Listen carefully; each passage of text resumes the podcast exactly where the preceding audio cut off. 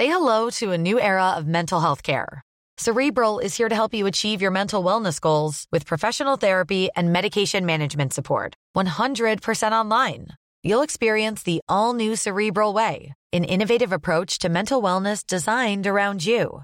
You'll get a personalized treatment plan from a therapist, prescriber, or both in a safe and judgment free space.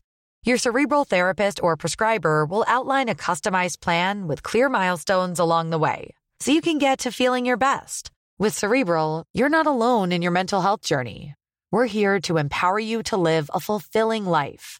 So take that first step towards a brighter future and sign up today at cerebral.com slash podcast and use code ACasts to get 15% off your first month. Offer only valid on monthly plans. Other exclusions may apply. Offer ends July 31st, 2024. See site for details.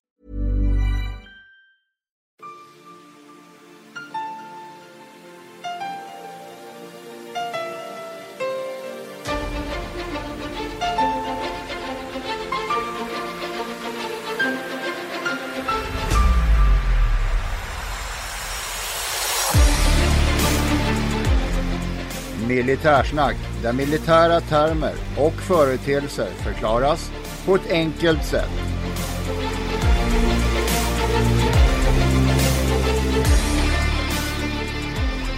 Då är ni välkomna till ännu ett avsnitt av Militärsnack. Vi är inne på avsnitt sju. Och idag ska vi prata om infanteri. Och jag som pratar, jag heter Henning Svedberg och bredvid mig sitter Löjtnant Andersson. Du är välkommen löjtnant. Tack så mycket. Vi ska prata infanteri idag och eh, idag är det ju fredag. Så jag börjar väl med att fråga dig vad du har i glaset. Jajamensan. Fredag igen och eh, idag har jag faktiskt en eh, trappist, en belgisk eh, ale eh, från eh, ett av de här eh, sex kända klosterbryggerierna mm. i, i, Belgien. Då. Och eh, då är det Orval, eller Orval, som eh, får förgylla min fredag. Den är eh, jäkligt eh, trevlig alltså. Lätt, eh, ja lite, den passar lite i sommarvädret. 6,9 procent, lättdrucken, lite, mm. lite lurig så, men eh, väldigt, väldigt god. Orval heter den. Ja. Och, vad har du idag? Jag har gått på det lokala och jag har förflyttat mig till Knivsta och där har vi något som heter Train Station Brewery och de har en chipfaced IPA som jag tycker är riktigt bra. Du vet ju nu vid det här laget att jag gillar ju beska och humle och den är en fantastisk produkt. Okej, okay. jag har aldrig provat men eh, då får vi göra det. Jajamän. Ja, och idag så ska vi ju faktiskt prata om infanteri, vad det är för någonting, både historiskt och i nutid. Och jag är säker på att löjtnanten har en massa att berätta. Ja, jag ska försöka. Eh, nu börjar man ju ana ett tema här, avsnitt eh, 4, 5, 6 och nu är det 7 då. Och då är det dags för infanteriet att göra entré. Mm, jag tror att det är faktiskt en hel del människor som har noterat den detaljen. Det borde ju vara så. Ja. Infanteri i alla fall, det är ju ett, eh, det borde vara det äldsta av truppslag. För att en infanterist, kort och gott, det är ju en person eller en soldat som huvudsakligen strider till fots. Ja. Eh, man kan ju ha en transport givetvis, men eh, huvudsakligen strider till fots. Och det, begreppen har ju suddats ut lite med åren. Vi kommer ju komma till modern tid här, men nu för tiden kan det vara svårt att skilja en, en eh, infanterist från en, en pansarskyttesoldat till exempel, då de har ungefär samma roll. Mm. Men eh, det är alltså en soldat som eh, huvudsakligen strider till fots.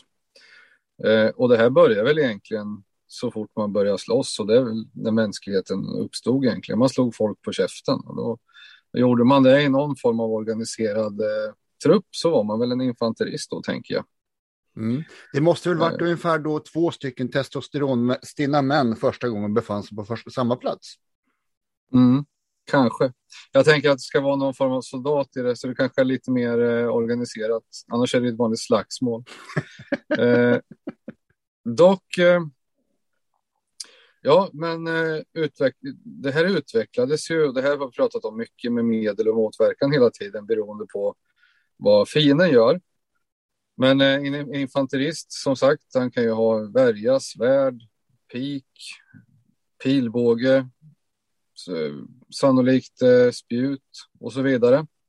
Och det här har vi berott lite grann på vad man har haft för motståndare, fiende och hur rollerna har utvecklats. Eh, vi pratade om i avsnittet kavalleri att kavalleriet var dominerande i början här eh, när riddarna gjorde entré och det fanns bara blanka vapen. Men sen eh, när krutvapnet kom så vart ju kavalleriet eh, lite daterat och eh, infanteriet fick ju sin stora, eh, stora mm, popularitetsperiod egentligen. Vi pratar ju 16, 1700-tal, 1800-tal. Det var det dominerande truppslaget på, på slagfältet i, i och med införandet av krutvapnet. Då. Och det här eh, höll ju på så här fram tills, eh, säg någonstans första världskriget, då eh, slagfälten började se lite annorlunda ut och man var tvungen att taktikanpassa med att gräva ner sig och så vidare, vapenutvecklingen. Och, eh, men infanteriet var ju fortfarande det stora truppslaget. Sen eh, någonstans runt andra världskriget så hade ju pansar börjat dominera på slagfältet. Men eh, då upptäckte man ju ganska snart att infanteriet, eh, när det utvecklades eh, antitankgevär, minor och sånt mot stridsvagnarna så behövde man eget infanteri för att bekämpa fiendens infanteri och så vidare. Stridsvagnen måste ju skyddas från eh, fiendens eh, infanteri. Man kan ju inte bara köra in en stridsvagn i, i fiendens linjer hur som helst. Precis. Och då börjar man ju med att eh, försöka få sitt eget infanteri att eh, kunna följa pansarförbanden och då började man laborera med motoriserat skytte. Man åkte på lastbil, man kunde till exempel cykeltolka som vi gjorde i Sverige. Det är lite senare, men eh, vi cykeltolkade efter traktorer, vi åkte traktorkärror, man kunde åka hästkärra och eh, ja, allting som gjorde att du var transporterad. Mm. Och sen utvecklades ju det till att man ville vara både transporterad och ha ett eh, eget skydd, splitterskydd. Tyskarna hade ju sina pansargrenadjärer som hade till uppgift att skydda pansarförbanden, alltså ett infanteri. Eh, och de åkte ju till viss del bepansrade fordon. Man kan se sådana här half tracks som de amerikanska varianterna heter. Mm. Eh, och det är ju någon form av infanteri i pansarfordon, läs pansarskytte, men fortfarande infanteri som har till uppgift att anfalla annat infanteri, skydda bepansrade enheter. Ja, och Sverige då. Eh, vi börjar i hyfsat modern tid att prata. Vi går in 1942. Ja. Där eh, hade vi eh, 21 stycken infanteriregementen. Och eh, man eh, hade även system för dubbleringsregementen. Och eh, så de här 21 hade möjlighet och skulle i vissa fall ha ett dubbleringsregemente. Och eh, då var det numreringen blev plus 30. Så till exempel eh, I4 kunde även sätta upp i 34. Och vad var idén med det här? Ja, det var att liksom dubblera upp så man fick utbilda dubbla förband för att få mängden. Okej. Okay. Och det här, det här är mest för att belysa vilken mängd av infanteri som man hade. Mm. Och eh, vi kommer ta oss fram i tidslinjen för att se hur, eh, hur det här gick till ungefär. Men hur, hur, många, hur, hur stort infanteri hade vi 1942 då? Ja, då blir det så 21 regementen med möjlighet till dubblering, så alltså 42. Och eh, hur många brigader man satte upp, men det är ju det är motsvarande mängd då. Det skulle kunna bli upp till 42. Och det är mycket. Det är mycket. Vad är det i manskap i antal? Ja, då är det ungefär strax under 5 000 man på en sån infanteribrigad. Plus minus. Okej. Okay. Ja, det är mycket folk. Det är mycket folk och det är det som är styrkan. Men eh, för att gå vidare då, eh, bara för att få en uppfattning, så sa, nämnde jag här att 1942 så fanns det 21 regementen. Ja. 1940, 1948 efter kriget behöll man de här 21 regementena. Men eh, sen 1992 då gick man till 14 och 1996 gick man till 9 och till år 2000 gick man till 2 och 2004 gick man till 1. Då hade vi fler brevbärare i Stockholm än vad vi hade infanterisoldater. Jajamensan. Och det här var ju när den eviga freden inträffade. Vi ska återkomma till det, för det hände lite andra spännande grejer i den tidseran också. Men eh, de här eh, infanteribrigaderna, de reviderades ungefär var tionde år i en, ny organisation. Eh, där man organiserade om. Så då hade man ju då eh, IB 59 till exempel, då det var cykelburet skytte. Och eh Eh, sen kom IB 66, det är också cykel. Eh, IB 66 Rudolf, då övergick man till eh, traktor med persontransportkärror. Eh, cykeln fanns ju kvar. Eh, IB 66 Martin, då fick man en bandvagn per pluton för att bära packning och sådana saker. Och så utvecklades det här. IB 77 och 77 Rudolf. Och eh, det var en ständig utveckling ungefär var tionde år. En annan spännande sak som man ska nämna med infanteribrigaderna var att det fanns även Norrlandsversioner av de här. Och då hette det Norrlandsbrigad. Det var också infanteri, men de var avsedda för mer väglös terräng i norra delen av landet. Lite och de har också egna... Jajamensan. De har också egna organisations eh, som eh, Norrlandsbrigad 63, 69 Rudolf, 85 och så vidare. Där man laborerar med olika bandvagnar och så vidare. Och det här är ju brigader. Det innebär ju som vanligt, som jag sagt, nu har vi pratat om moderna brigader, men på den här tiden så fanns det ju eh, inte bara infanterister, utan det fanns ju skyttebataljoner, men sen fanns det ju även understöd, luftvärn, det fanns ju pansarvärnskompanier, underhåll och så vidare. Det som är intressant eh, när vi börjar närma oss mer modern tid, i alla fall för oss som är i våran ålder, så hade man eh, ett, eh, en idé om infanteribrigad och Norrlandsbrigad 2000. Okej. Okay. Och eh, den här revideringen skulle ju ske någonstans mellan 1994 och år 2000. Och då hade man ju kvar då 1992 14 regementen, 96 9 och 002. Men mm. någonstans där runt 1996 när det fanns nio regementen fortfarande då skulle man ju spetsa till infanteriet och få dem splitterskyddade och eh, med egen rörlighet och skippa cyklarna helt enkelt. Och det här var ju efter murens fall och eh, då köpte man in eh, från forna DDR då när muren hade fallit så köpte man ju in två stycken pansarfordon som mm. är gamla öststatsfordon. Och eh, de här heter ju BMP1 och MTLB. Mm. Och i Sverige döpte vi dem, eh, BMP1 blev PBV 501, alltså pansarbandvagn 501. Och eh, MTLB blev PBV 401, pansarbandvagn 401. Och eh, 401 var tänkt att använda till eh, Norrlandsförbanden och 501 längre söderut i Sverige. Och eh, man gjorde ju försök med de här och det var framgångsrikt. Inte jättemycket när man kanske använder dem som stridsfordon är tänkt, alltså man ska slåss med fordonen och från fordonen. Men som en splitterskyddad trupptransport och med möjlighet till understöd så var det här bra. Mm. Sen lades det ju ner då eh, och eh, hamnade i malpåse.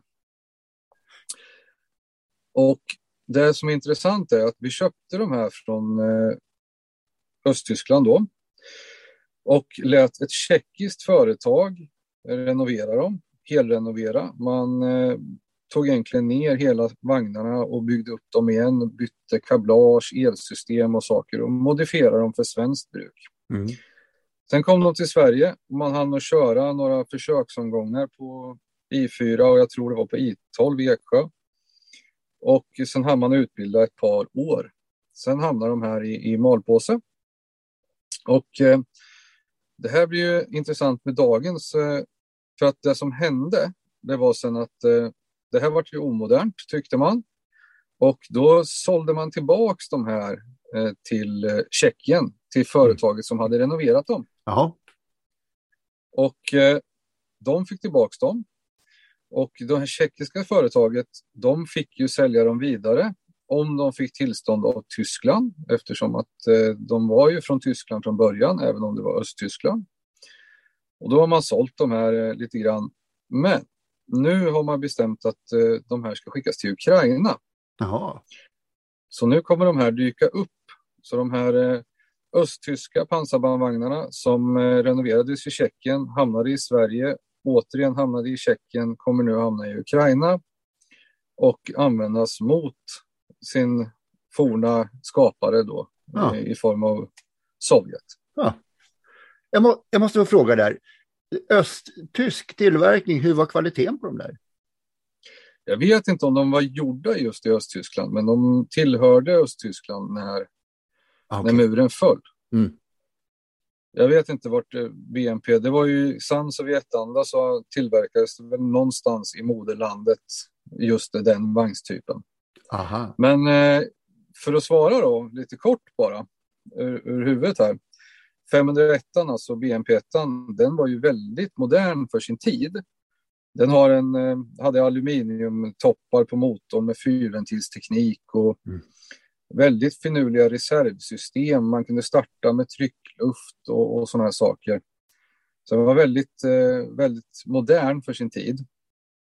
Medan 401 då, MTLBn eh, är ju mer av en traktor, en artilleri, som är gjord att dra artilleripjäser, kanoner och transportera folk i. Eh, kvaliteten på, på 401 och MTLBn, kvaliteten den kunde säkert variera, men jag vet att man vid tillfälle ställt upp eh, 50 vagnar parkerat helt enkelt. Och då parkerar man dem ju alltid med, eh, med spetsarna på samma ställe, alltså fronten på fordonet på samma ställe. Och då har man upptäckt att de har varit olika långa. Eh, och det beror sannolikt på vilken fabrik som har gjort dem. Att de kunde vara, det var samma ritning men beroende på nykterhetsgrad eller vad det nu är så kunde de, i den, just den fabriken så kunde det skilja en decimeter eller två liksom. Så det, det är en intressant anekdot. Och med det då sagt om eh, IB och Norrlandsbrigad 2000 Mm. så ska vi passa på att säga det också att eh, innan det, när man eh, skulle gå in i de här infanteribrigad och Norrlandsbrigad 2000, när man då 90, i försvarsbeslut 92 och 96 avskaffade massa regementen. Eh, I och med murens fall så fick vi ju lite nya stater i Europa, bland annat Estland, Lettland och Litauen. Mm. Och då gav vi bort eh, hela infanteribrigader till eh, baltländerna. I material alltså? I no- ja, komplett. Och det kallas för baltstödsprogrammet eller motsvarande. Då, då gav man ju bort då hela, hela brigader, till exempel IB77 Rudolf med alla ingående delar. Jag har till och med hört rykten om att man fick nyinförskaffa då, för det var ju kontraktet var ju att ge bort en brigad och eh, då kanske det saknades eh, Ja, det står på första pluton så ska det finnas tre cykelpumpar. Och gjorde det inte det, då fick man införskaffa det så att man skulle ge bort materiellsystemet och brigaden komplett minus personal. Och svenska officerare var även eh, i Baltikum utbildade eh, Estland, Lettland och Litauen på materiellen. Okej. Men ingen, Och, eh, taktisk, ingen taktisk eh, utbildning? Det gjorde man säkert också. Mm. Men det var ju framför allt för att de skulle kunna driftsätta det här. Och det här var ju ett smart sätt att, att skaffa sig eh, eh, försvarsförmåga på andra sidan Östersjön. Mm. Ja, och då är vi ju framme på um, hur det ser ut idag. Eh, och eh, fram tills precis eh, nyligen så hade vi ju gått då från ett 30-tal infanteriregementen, eller brigader åtminstone. Vi sa ju 21 regementen, men 30-tal brigader till noll infanteribrigader. Det fanns en infanteribataljon kvar på Livgardet efter försvarsbeslutet 2004. Eh, en ensam bataljon. Och det som har hänt nu, precis eh, nyligen då, det är ju att eh, Livgardet finns ju kvar. Ja. Och det är ju det är infanteri, det är ju gamla I1. De utbildar ju motoriserat skytte. Och googlar man motoriserat skytte så kommer det stå ungefär så här att motoriserat skytte är infanteri som eh, åker fordon utan splitterskydd och eh, mekaniserat skytte åker fordon med splitterskydd. Och det är en lite förlegad sätt att se på utan motoriserat skytte det är splitterskyddat också men de åker i regel hjulfordon. Okay. Så de har väldigt, eh, väldigt hög eh, möjlighet att alltså, framrycka snabbt. Eh, och det är mindre, mindre uthållighet, det vill säga det går åt mindre reservdelar och mindre diesel. Man kan komma längre på samma peng så att säga. Men de har bra skydd. Det ska vi inte sticka under stolen med, utan det, så det är inte, de åker inte minibuss längre då, eller Nej. traktor, utan det är pansarterrängbilar. Och I13 har ju återuppstått då, Dalregementet i Falun. Ja, just det. Och eh, även I21 i Sollefteå har ju också återuppstått. Say hello to a new era of mental health care. Cerebral is here to help you achieve your mental wellness goals with professional therapy and medication management support. 100% online. You'll experience the all new Cerebral Way, an innovative approach to mental wellness designed around you.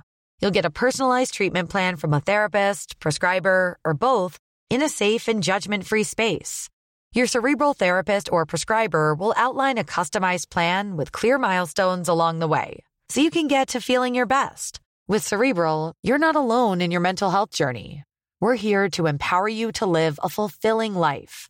So take that first step towards a brighter future and sign up today at cerebral.com slash podcast and use code ACasts to get 15% off your first month. Offer only valid on monthly plans. Other exclusions may apply. Offer ends July 31st, 2024. See site for details. Tired of ads barging into your favorite news podcasts? Good news. Ad-free listening is available on Amazon Music for all the music plus top podcasts included with your Prime membership.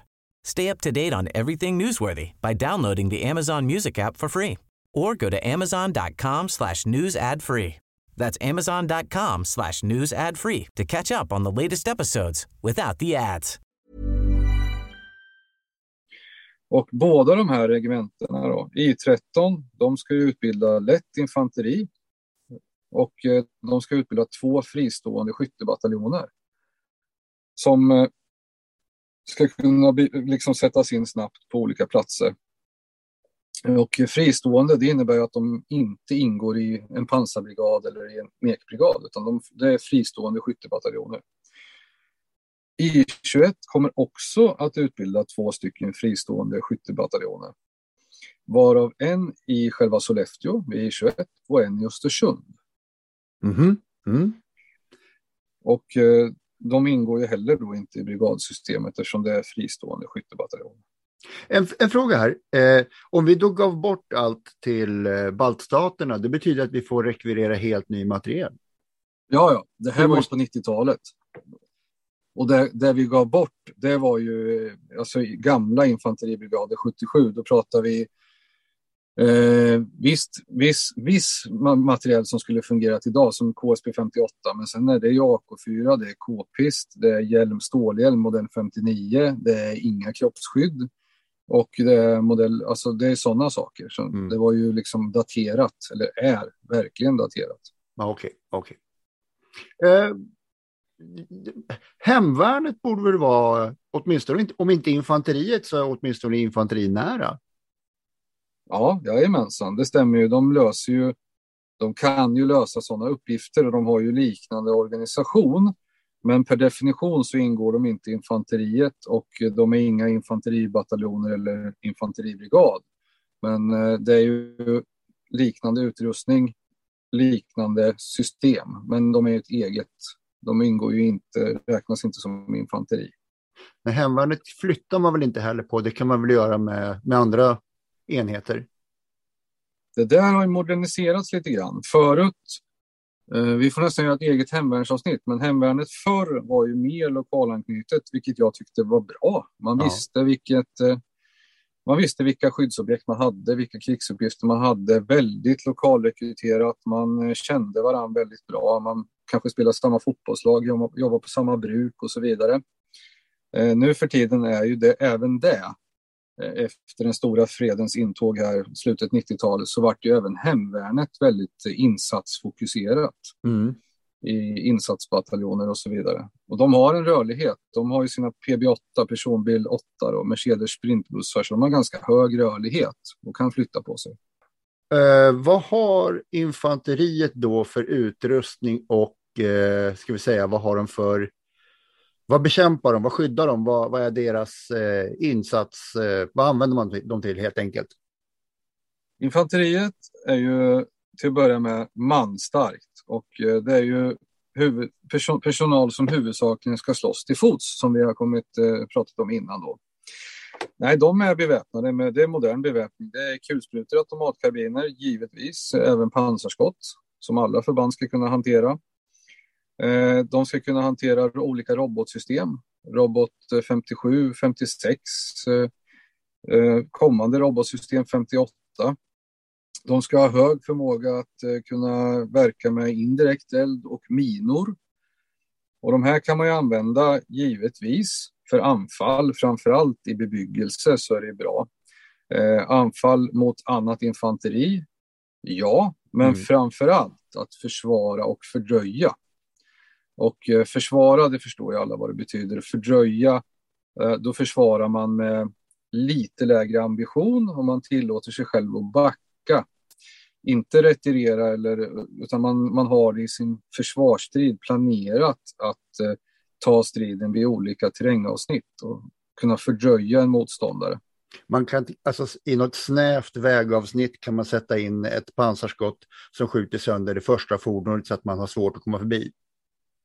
Till exempel så kan man göra det genom eldöverfall eh, med pansarskott. Och kombinerar man det här med minering, spränger vägar, skjuter indirekt eld, alltså artilleri, så kan man ställa till med väldigt mycket besvär och man kan ju få stopp på även eh, motståndaren, fiendens eh, spjutspetsförband. Mm. Då stoppar man ju upp dem och då tjänar man ju tid och man tar ju tull varje gång man genomför det här eh, under fördröjningsstriden. Vi får nästan ha ett robotavsnitt här tror jag, för jag tror att det är många som inte hänger med på 57 och 58 och så vidare. Mm. Det ska vi ha. Vi kommer ju ha vårt pansarskottsavsnitt och vi måste även prata lite granatgevär. Eh, vi har ju lärt oss att skilja på en projektil och en granat. Jajamän. Och vi har ju även, vi har även pratat om vad en, en raket är. Men vi ska prata mer om vad, vad, vad en robot är för någonting. Men eh, kort och gott, om man läser och det står eh, missile, då det, på svenska heter det robot, helt mm. enkelt. Mm. Eh, en tanke som jag har är att eh, infanteriet är att man springer i, i terräng och, och, möter annat infanteri och att eh, förlustsiffrorna ska vara tämligen höga i infanteriet. Stämmer det? Det gjorde ju det under till exempel första världskriget och kanske till viss mån andra med. Men redan där hade man ju börjat utveckla eh, taktiken och med olika förbandstyper. Och förbandstypen, om den används på rätt sätt, så blir det ju mindre sannolikhet för stora förlustsiffror. Det, det, är ju mer personal i en infanteribrigad och de är mindre skyddade. Så används den fel eller det går dåligt så kan det ju bli höga siffror. Mm. Dock så är det ju, man kan ju också tänka, men infanteri, det är ju det är ingen kvalificerad uppgift. Alla soldater kan ju kriga. Ja, Eh, alla soldater, i alla fall i, i vår försvarsmakt, ska ju kunna minst skjuta automatkarbin, kasta handgranat, skjuta pansarskott och lägga ut en mina. Mm. Eh, det är ju det som är lite grann att vara soldat. Men eh, att göra det bra och använda sig av tänket och kunna fördröja, försvara med indirekt eld och miner och göra det bra under en längre tid.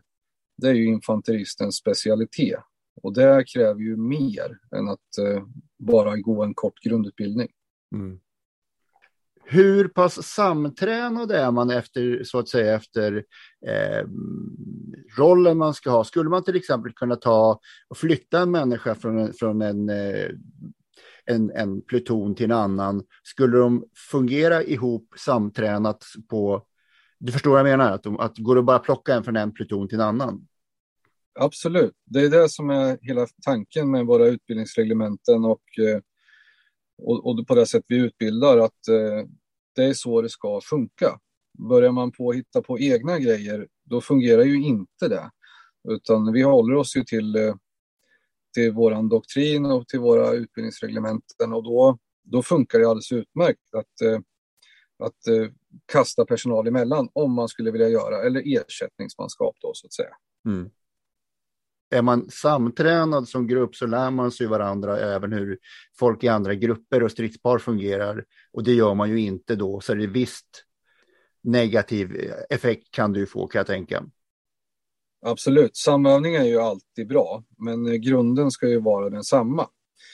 Eh, och det här kommer vi säkert återkomma till för att eh, som jag sa, folk tänker ja men en infanterist, det kan ju alla vara. Och det är ju, det är ju felaktigt. Det är ju en eh, en befattningsutbildning eh, på att göra det här bra.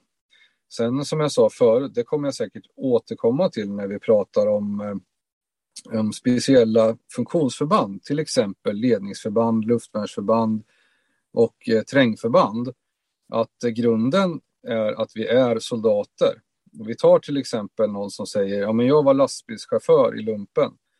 Mm, du var en soldat som eh, körde lastbil, mm. säger jag då.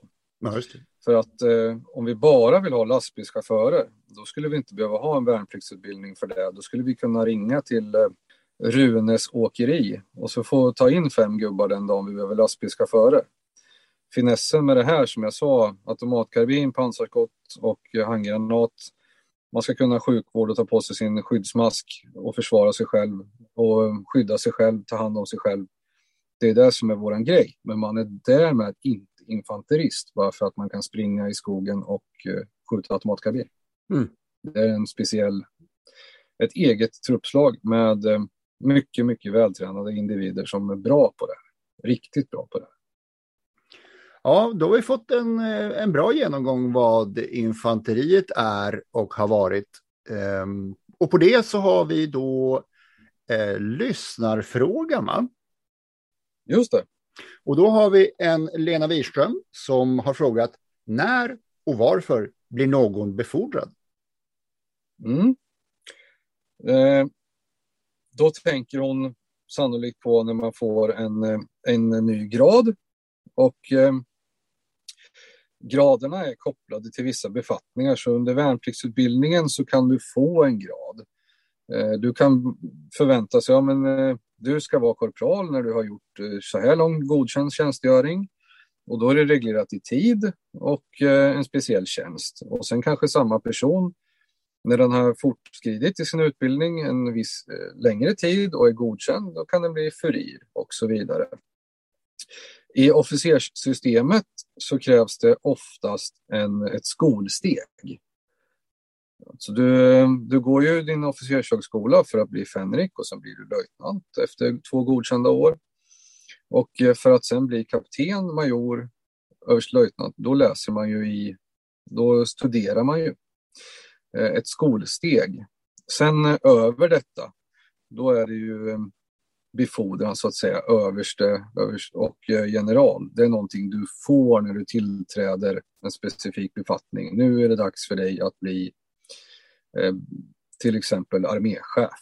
Då mm. kommer det en specifik grad till detta. Jag misstänker att eh, hon här eh, hänvisar till, vi är tillbaka i filmens värld igen, att man ser att någon tilldelas en, en ny grad i strid för att det kanske är brist på andra befäl. Mm, jag förstår. Det där, vi har ju inte varit i, i krig, tack och väl, på så många år. Eh, så jag vet inte hur det här systemet... Det finns säkert något gammalt papper någonstans där man kan fältbefordra personal. Men det har ju inte genomförts eh, ja, säkerligen på hundra år vad jag vet. Och jag vet inte riktigt hur det skulle fungera. Men intressant. Det går säkert att ta reda på, men så det kan jag inte svara på. Nej. Men du kanske kan svara på vad skulle du i veckans eh, avsnitt? Det kan jag absolut svara på.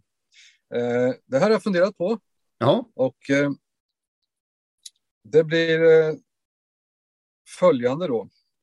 Jag skulle ställa upp till ett riktigt klassiskt sånt här gammeldags 1700-talsslag med infanterister, karolinerarmé. Och det vi ska slåss emot det är granbarkborrar. Oj! Ja, det här ja. kanske låter förvirrat. Granbarkborren har ju gjort eh, intåg här de senaste åren och eh, förstör ju jättemycket skog. Och det får ju huggas ner enorma mängder med, med gran just nu på grund av de här granbarkborrarna. Då. Så det blir ju väldigt mycket kalhyggen och det tycker jag är tråkigt. Jättetråkigt.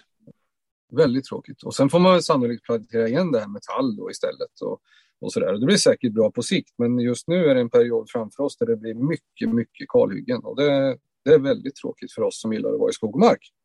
Absolut. Absolut. Så granbarkborren nedkämpas. Och då frågar jag dig, vad skulle du använda om du fick använda infanteriet då? Jo. Nedkämpa. Ja, då, då eh, får jag väl erkänna att jag också har funderat lite på det här. Och jag väljer sånt där klassiskt andra världskrigs eh, marininfanteri från USA som eh, springer i land i såna här Higginsbåtar och anfaller företags telefonsvarare som tjatigt repeteras samma info tills man får lika mycket hål i huvudet som fenomenet själv förtjänar. Du har just nu plats nummer sju mm. i kön. Precis. Ja, du vet ja. väl att vi... Ja. ja. Det tycker jag är väldigt bra. Mm. Om man då vill tycka till eller ställa några frågor så kan man skicka det till oss. Och hur får man tag i oss? Det kan man få på olika sätt. Man kan eh, antingen gå med i vår Facebookgrupp som heter då Militärsnack podcast på Facebook. Mm. Gå gärna med i den. Man kan mejla till oss på militarsnack.gmail.com och vi har ju även hemsidan www.militarsnack.se och ja. eh, lyssnar på oss, det gör man ju på Acast eller på Spotify. Och eh, vi har ju blivit moderna och blivit med Instagram också och den ja. kan ju du bättre än mig. Militarsnack understreck podcast. Jajamensan. Och då nu är det dags att runda av och då blir det lite sagostund med farbror Henning. Ja, och ja. Eh, lite historisk... Eh... Historisk koppling. Och eh. Ja, då har vi ett slag som stod i Vietnam 1969 och det var i Sydvietnam. Slaget vid Hamburger Hill, mindre än en kilometer från gränsen till Laos. Där stod det cirka 1800 amerikanska soldater ur US Airborne och cirka 800 från den reguljära vietnamesiska folkarmén. Och det var mellan den 10 och 20 maj 1969. Den vietnamesiska mm. militären hade befäst det 937 meter höga berget Hill 937. Som inte hade egentligen inget militärstrategiskt värde, utan eh, man anföll det där och eh, det blev en, en eh, radda spridda slag och små ställningskrig mot de nedgrävda vietnamesiska trupperna som faktiskt påminde om första världskrigets skyttegravskrig. Okay. Ja, och det var, detta var det sista slaget man mot man och efter det här så ändrade USA sin strategi avseende markkrig. Så det var faktiskt ett ganska viktigt slag sett ur historien. Okej. Okay. Eh, förlusterna var för USA 72 döda och 372 skadade. Och för Nordvietnam så var det okänt. Men man uppskattar till runt 700 döda och tre tillfångatagna. Det säger ju någonting. Mm. Tre tillfångatagna. Ja. Då, ehm, st stora förluster. Hög kampvilja kan det skvallra om. Mm, det också. Ja, ska vi mm. sy ihop veckans säck med det och eh, tacka dig löjtnant för att du är med oss och svarar på alla de här frågorna. Tack själv och eh, på återseende nästa vecka. Ja, det är alltid ett nöje att vara med och eh, det är vi också nästa vecka. Så att, eh, tills dess, tack så mycket. Hej! Hej, hej!